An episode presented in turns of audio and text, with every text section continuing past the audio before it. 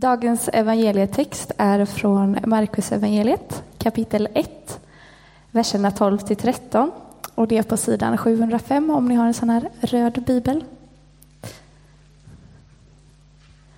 Anden drev honom ut i öknen och han var i öknen 40 dagar och sattes på prov av Satan.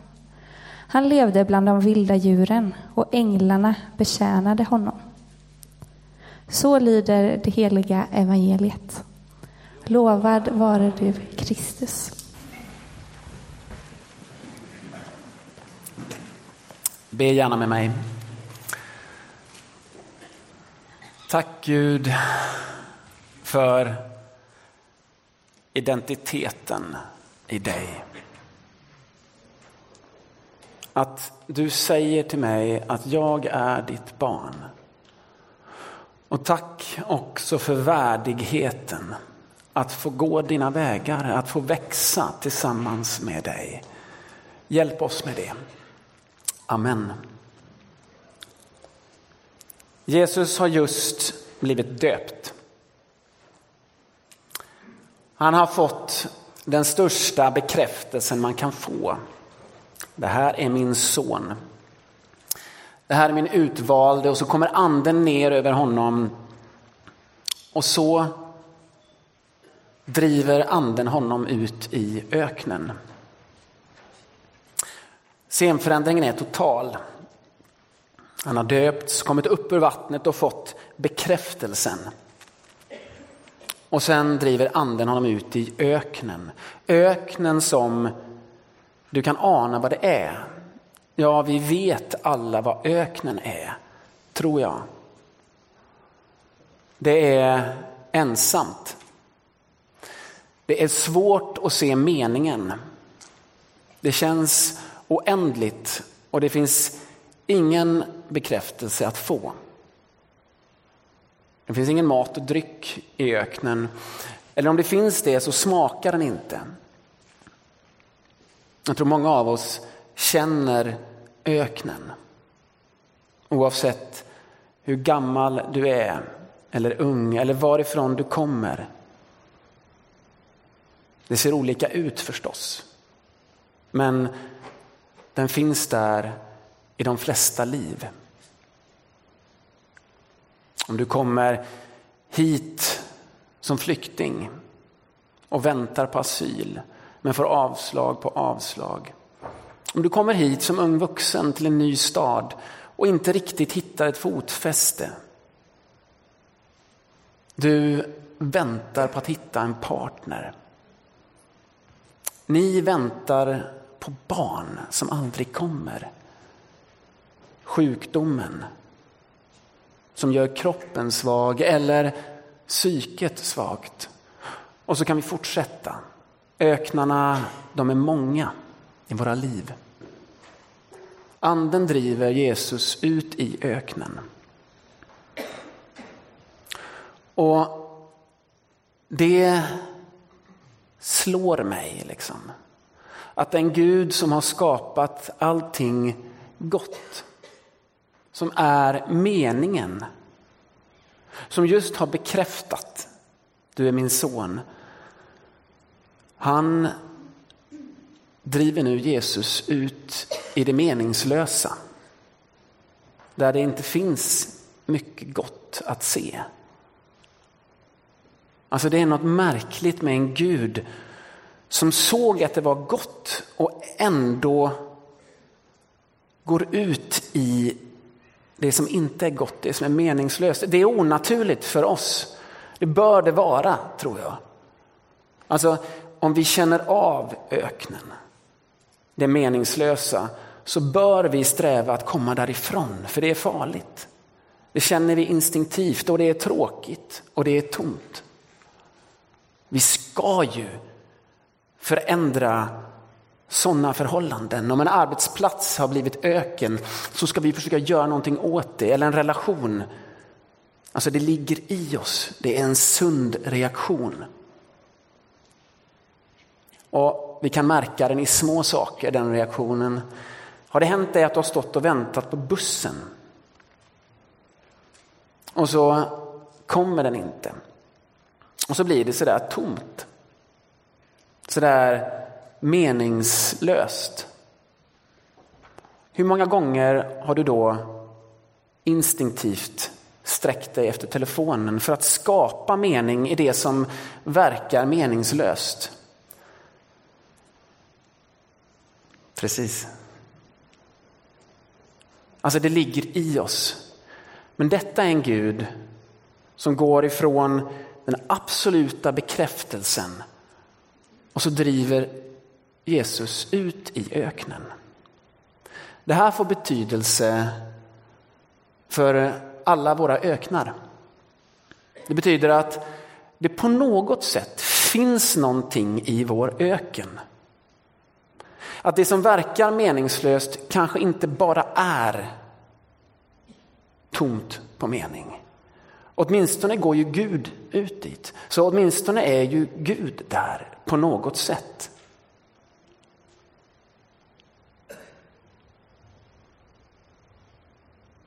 Men varför?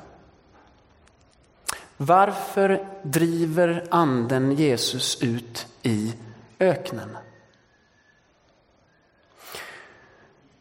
Temat idag, som Jennifer sa, det är ju prövningens stund.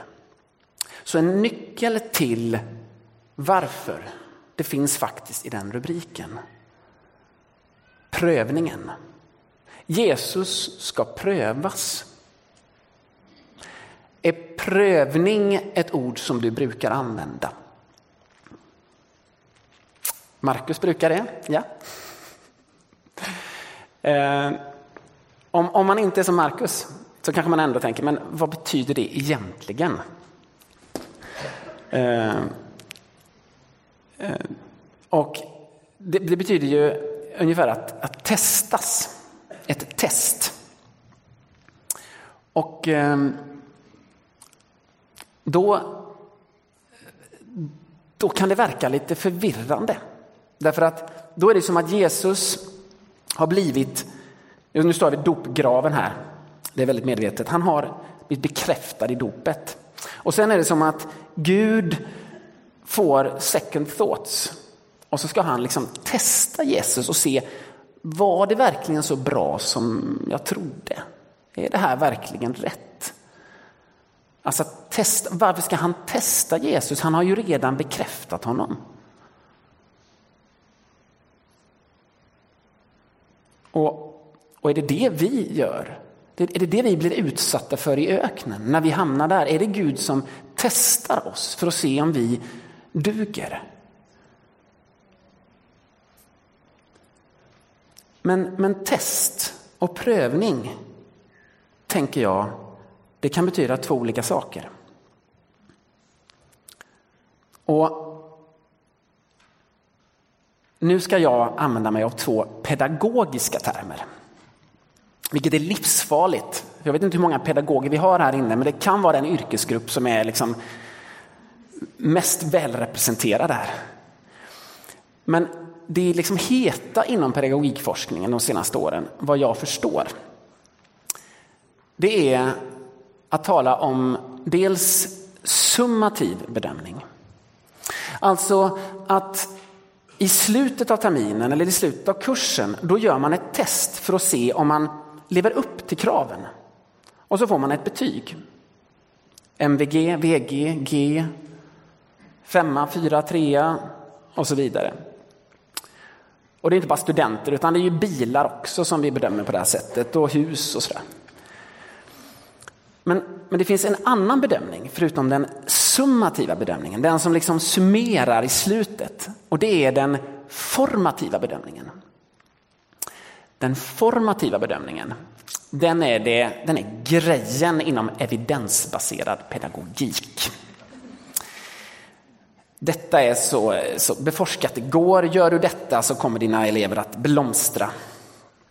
Den formativa bedömningen, det är också ett, liksom ett test. Att, att du tar reda på vad någon kan. Men sen är själva grejen med den formativa bedömningen att du återkopplar. Att du säger ja, du kan eh, addition kanske, du kan plussa, men du kan inte subtrahera. Och så får man reda på vad man kan och vad man inte kan. Så att man sen när man kommer till slutmålet, liksom, man kommer till slutmålet, då får man reda på, då, då ska man kunna det man ska kunna. Då ska man klara det. Liksom. Ja. Jag vet inte om ni förstår, men, men det är ganska spännande att det görs bedömningar på vägen. Om vi säger att den summativa bedömningen är här. Vi, vi ska hitåt, det är hitåt vi ska. Och, och på vägen då, då gör vi formativa bedömningar. Då gör man tester och sånt där på sina elever, eller hur Marcus och Petra? Ja. Och så ger man återkopplingar, ja, men det blir bättre det här, det blir bättre det här. Och så om man gör det bra, då kommer eleven att komma fram till en summativ bedömning och bli godkänd. Och studenter, jag jobbar ju på universitetet också, studenter älskar formativa bedömningar. De vill veta, hur, hur ligger jag till? Eh, har jag klarat det här? Vad är det jag ska förbättra? Och de blir vansinniga om de inte får det. Om man inte har tid att göra en sån här återkoppling. Bara, men jag, inte, jag, jag vet inte var jag ligger till. Så att det är formativa bedömningar, de är på vägen. De är liksom formerande. De formerar de här studenterna tills man kommer fram till den summativa bedömningen. Öknen, den är inte en summativ bedömning av Jesus, utan en formativ. Det vill säga den summativa bedömningen, den som säger vem Jesus är. Den är i dopet och den är redan gjord. Sen kommer det formerande, prövningen, kommer efteråt. Märker ni att det är omvänt? Vi tänker, jag måste formeras, jag måste lära mig och så ska jag ta mig fram till summan, till slutstationen och där få reda på om jag duger eller inte. Om jag är färdig psykolog eller socionom eller snickare eller får mitt körkort eller om jag är simborgare till exempel. Det är en summa till bedömning. Du får reda på att du har klarat de här 200 meterna.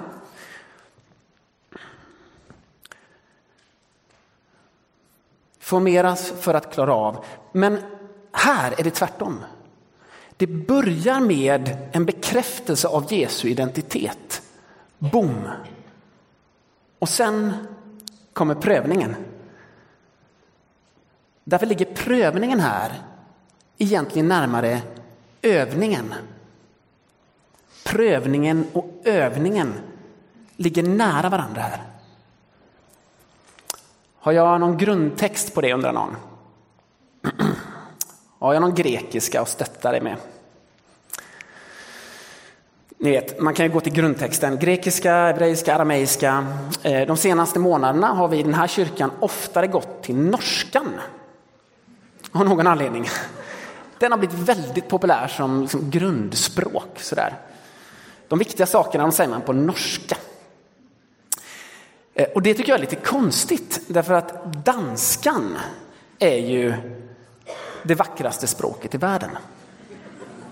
Och det säger jag objektivt Eh, eh inte för att jag är halvdansk, utan, utan så är det. Danskan är Nordens franska. Eller hur? Ni, ni, när ni börjar tänka på det så ser ni det. Ja, ja det går fint. Det bara, det bara, så, det bara flyter liksom fram. Och i danskan så är pröve inte bara att testa någonting utan också att repetera. Så en pröve är en prov. Det är en, ni vill ha mer, jag ser det. Så tar vi resten av prövningen på dansk. Nej, vi, vi, eh, det kan vi ta efteråt. Vi kan ta ett danskt bord nere på fikat. Eh, nej men prov, pröve betyder repetition. Så jag skulle vilja att vi tänkte prövningens stund som övningens stund också. Annars så leds vi så lätt fel, att det handlar om att bli godkänd eller inte. Men öknen är inte den platsen. Prövningen handlar inte om det. Det handlar om att formeras Och inte för att bli godkänd, utan för att du redan har blivit adopterad som Guds barn. När du är i öknen så är det aldrig frågan om du är Guds barn. Det är själva grundplattan, det är det du står på. Det är därifrån du kommer. Och så är du i öknen och så har du det med dig.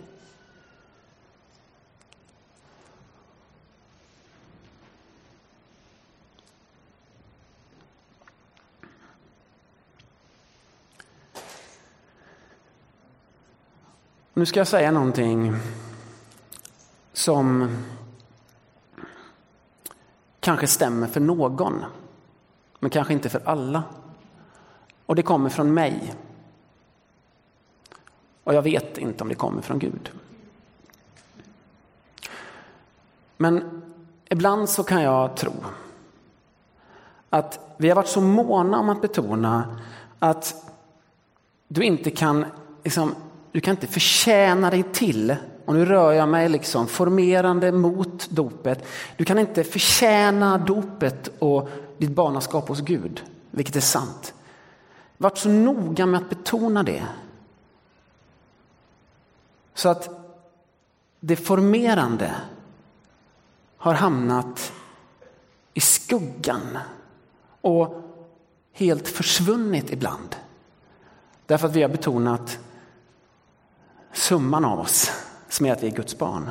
Alltså, vi har betonat det här så mycket och varit så rädda för det. För vi vill inte att det ska handla om att förtjäna sig och prestera sig till Guds barnaskap. Men ser ni rörelsen i texten? Anden drev honom ut i öknen för att prövas och övas. För att få fram barnaskapet ännu mer, gudsberoendet ännu mer. För det är det som händer i öknen. Du skalar bort det du är van med, identiteterna som du har lagt dig till med för att verkligen se vad betyder barnaskapet hos Gud.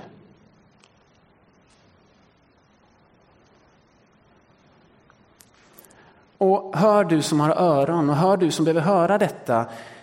Är det så att vi har stannat här och inte märkt att anden vill driva oss vidare.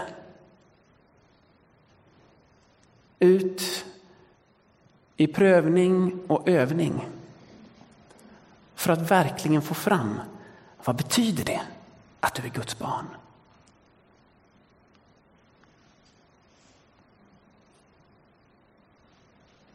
Fundera på det. För det kan vara så att vi ibland är för upptagna för att höra när anden driver oss till någonting. Speciellt om vi inte får det att gå ihop. Alltså varför skulle vi avstå från något gott?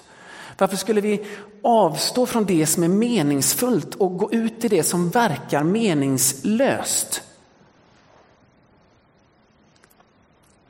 Vi vill ju inte bli livsförnekande människor.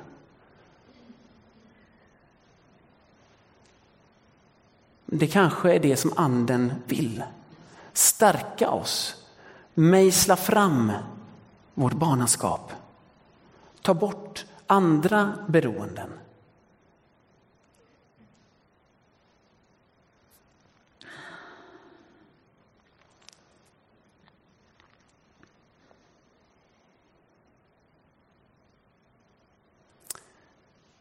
Ja, då var det färdigt med den passusen.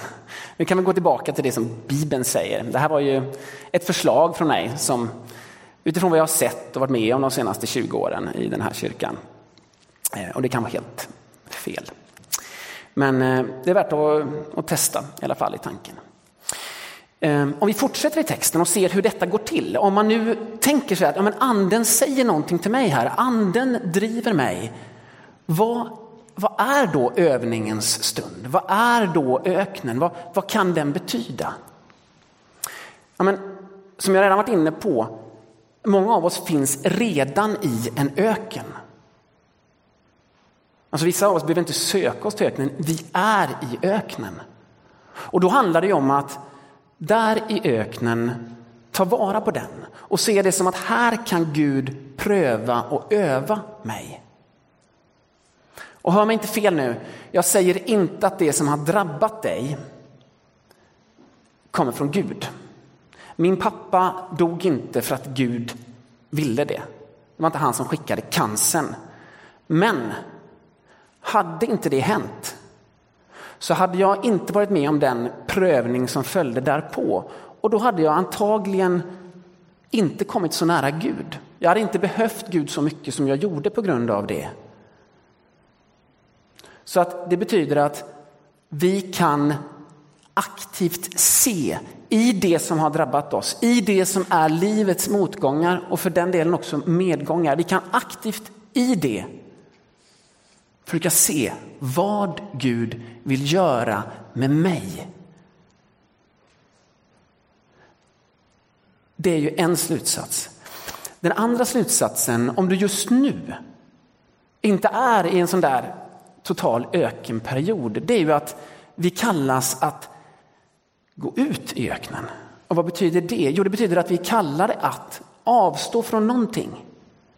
För att det ska bli tydligare vilka vi är tillsammans med Gud. Och det är ju det som är grejen med fastan. Det är ju det som är den här perioden. Att det är inlagt i kyrkåret att vi, vi kan välja detta för att prövas och övas. Och när vi gör det, när vi tar vara på den öken som vi råkar finnas i, eller när vi går ut i öknen, så står det att han var där i 40 dagar. 40 dagar. 40 dagar, det är en tidsmängd. Och det betyder att den är begränsad. Öknen som du befinner dig i, den är begränsad. Det känns inte alltid så. Om man hamnar i öknen så känns det oändligt. Man ser inget slut någonstans. Men det står att den var 40 dagar för Jesus och att den är tidsbegränsad. För vissa av oss är det 40 år. Och för vissa av oss är det till och med så att det fortsätter hela livet. Den där sorgen, den där öknen, att den inte tar slut i detta livet. Men då får vi, då får vi tro att efter detta livet så tar det slut på öknen. Efter detta livet, detta jordiska liv, så kommer ett annat liv som inte tar slut och där öknen inte finns.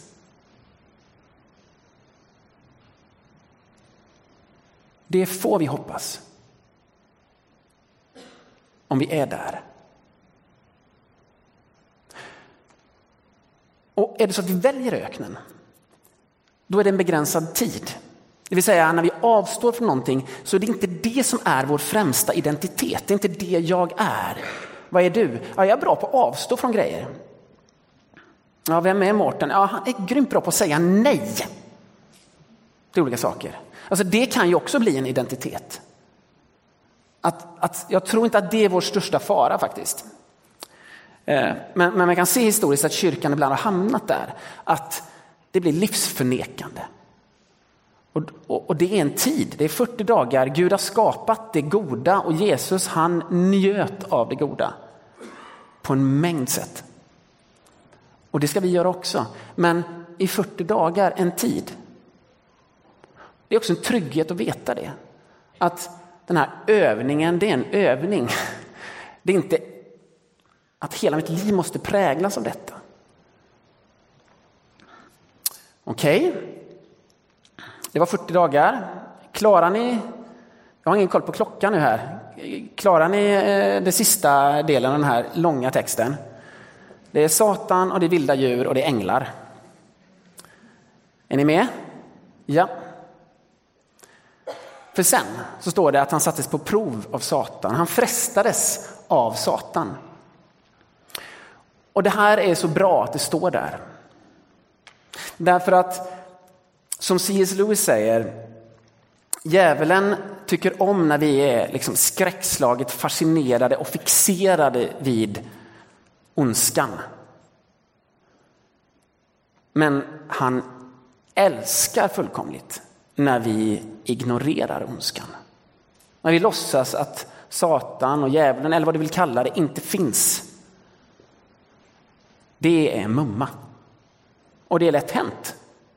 Man vill inte höra att 97 procent av alla 16-åringar tittar på porr. Eh, 16-åriga killar, förlåt. Eh, och ganska rått porr också. Man, man vill inte höra det. Alltså, om man hör det, då vill man ganska snabbt glömma bort det. Och jag tror vi är många som är bra på att glömma bort ondskan. Men ondskan finns där. Och det verkar som att den lever i högönsklig välmåga. Och tittar man bara så ser man ju dess verk överallt. Så om den finns överallt, vad är grejen med att Jesus drivs ut i öknen och där frestas av Satan? Grejen är att i öknen så får vi syn på det. Det som i vårt vardagliga liv bara rullar på. Och där är det så lätt att vi glider snett. Liksom. Och det händer saker och så oj. Men i öknen, där ser vi. Där hör vi. Och vi märker att det egentligen är ingen annan.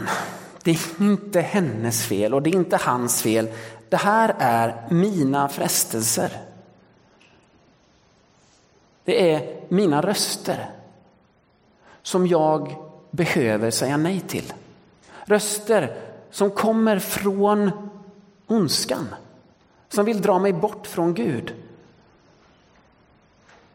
Och Ni kan läsa i, i Lukas till exempel vad, hur det försiggår mellan Satan och Jesus. Precis, men det handlar mycket om att låta Gud vara Gud och att inte ha rätt förhållande till Gud. Och att få syn på det, att jag ganska ofta sätter in mig i Guds ställe. Att Gud ofta blir någon slags medhjälpare till mina projekt, till mina livsprojekt. Alltså det är ganska bra att gå ut i öknen och se sådana saker. Därför om man har sett det och sagt nej till det, för vi kan säga nej till det. Med Guds hjälp kan vi säga nej till det. Då händer någonting utanför öknen. Då har vi övat oss. Och då, när vi ser tecknen, när vi märker våra attityder, när vi märker hur vi agerar, hur vi tänker, då kan vi känna igen, vänta lite nu här. Jag har sett det här förut. Det här är ingen bra röst. Det är ingen bra attityd, inget bra agerande. Och så får vi hjälp av öknen som en övningsplats.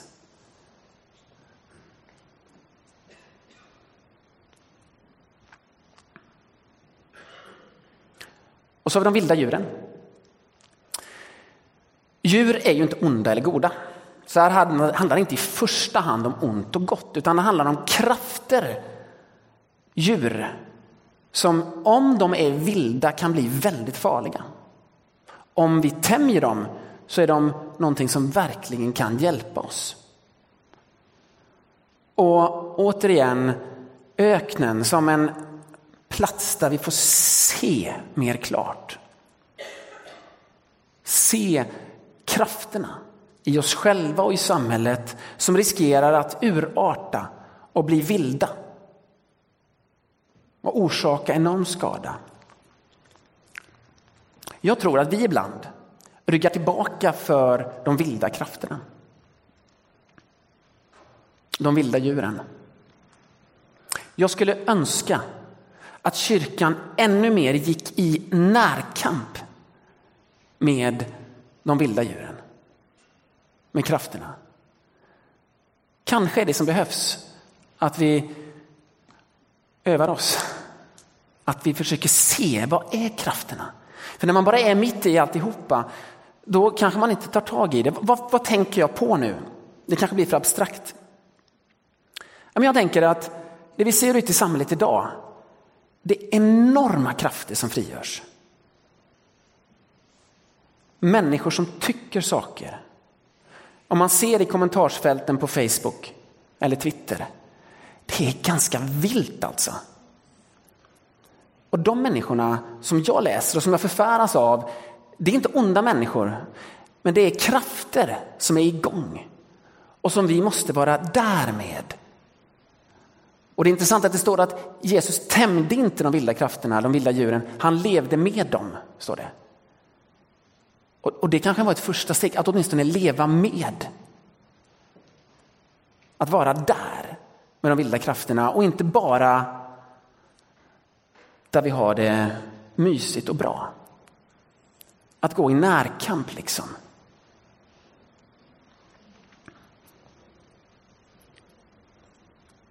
Okej. Okay. Änglarna. Det är fantastiskt att det börjar med att anden drev Jesus ut i öknen och det slutar med att änglarna betjänade honom. Det är ett så härligt slut. Har du sett en ängel? Tror du på änglar? Bibeln är full av änglar. Men jag tror att vi är färre och färre som tror på änglar. Så därför kan ju den här textpartiet det kan ju ställa till det. Vad, vad betyder det? Scott McKnight, en amerikansk teolog, har skrivit en bok precis med ett så vackert namn. The Hum of Angels. Änglars surr, ungefär. Eller änglars nynnande. Och hela boken handlar om änglar. Och det här är inte en person som är som man skulle kunna tänka sig. Jag vet inte vad ni tänker på när det gäller änglar, men det är lätt att få tanken att ja, det är lite new age eller det är lite medeltida eller sådär. Va? Men Scott McKnight är vare sig new age eller medeltida. Han är liksom en vanlig teolog. Eh, en bra kille. Liksom. Eh, så hela boken handlar om detta och beskriver änglar och var de finns i Bibeln. Och hans tes om varför vi inte ser och hör änglarna är intressant.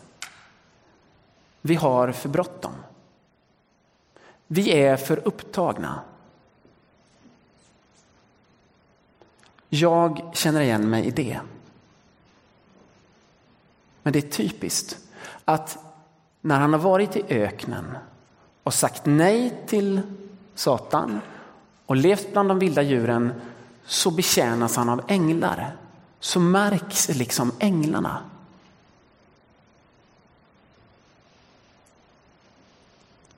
Kan öknen, kan din öken vara ett sätt att få syn på änglarna? Och jag har själv så dålig tro på änglar. Jag är liksom inte uppvuxen med det, det har inte ingått i förkunnelsen här. Med änglar. Så jag, jag, tror faktiskt inte, så dåligt tror jag, jag tror inte att jag kommer att få se en ängel under mitt liv. Om jag bara ska säga vad jag tror sådär. Eh, jag tror det är möjligt, men jag tror inte det kommer att hända. Och så kanske det är för någon annan också. Men det står i Bibeln. Och, och jag tror på en massa annat. Jag tror att jag kommer att uppstå med Jesus på den yttersta dagen. Jag tror jag kommer till himlen. Jag hoppas verkligen det.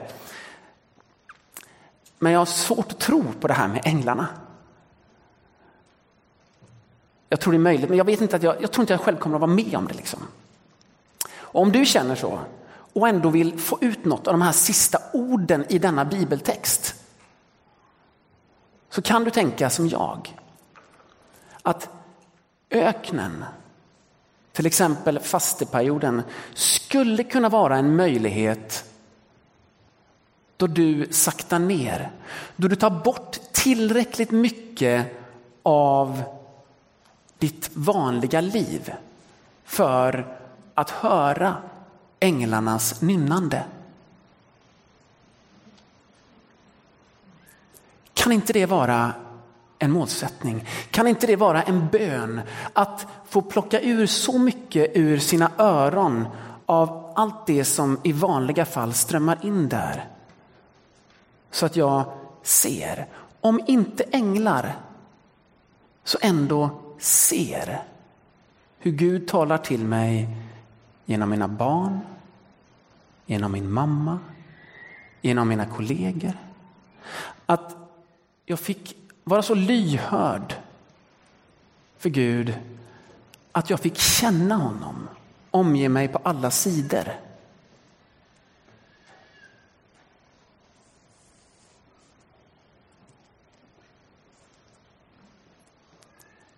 Be gärna med mig.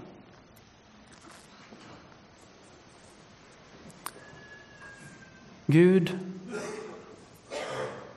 jag ber att vi ska bottna i vår identitet som Guds barn.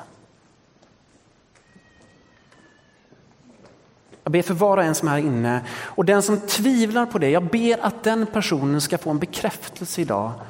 Eller ska våga gå fram och be och få en bekräftelse på det. Att vi är Guds barn. Jag ber att vi ska höra andens kallelse. I öknen eller ut till öknen.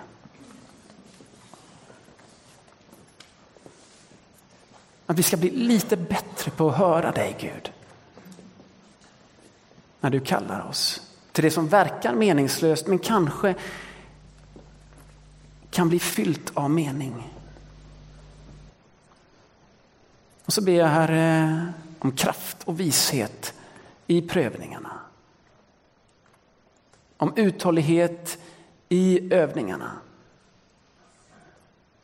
Så att vi fick höra änglars nynnande, änglars surr, kanske till och med jag. Märka din blick, din beröring. Det ber jag. Amen.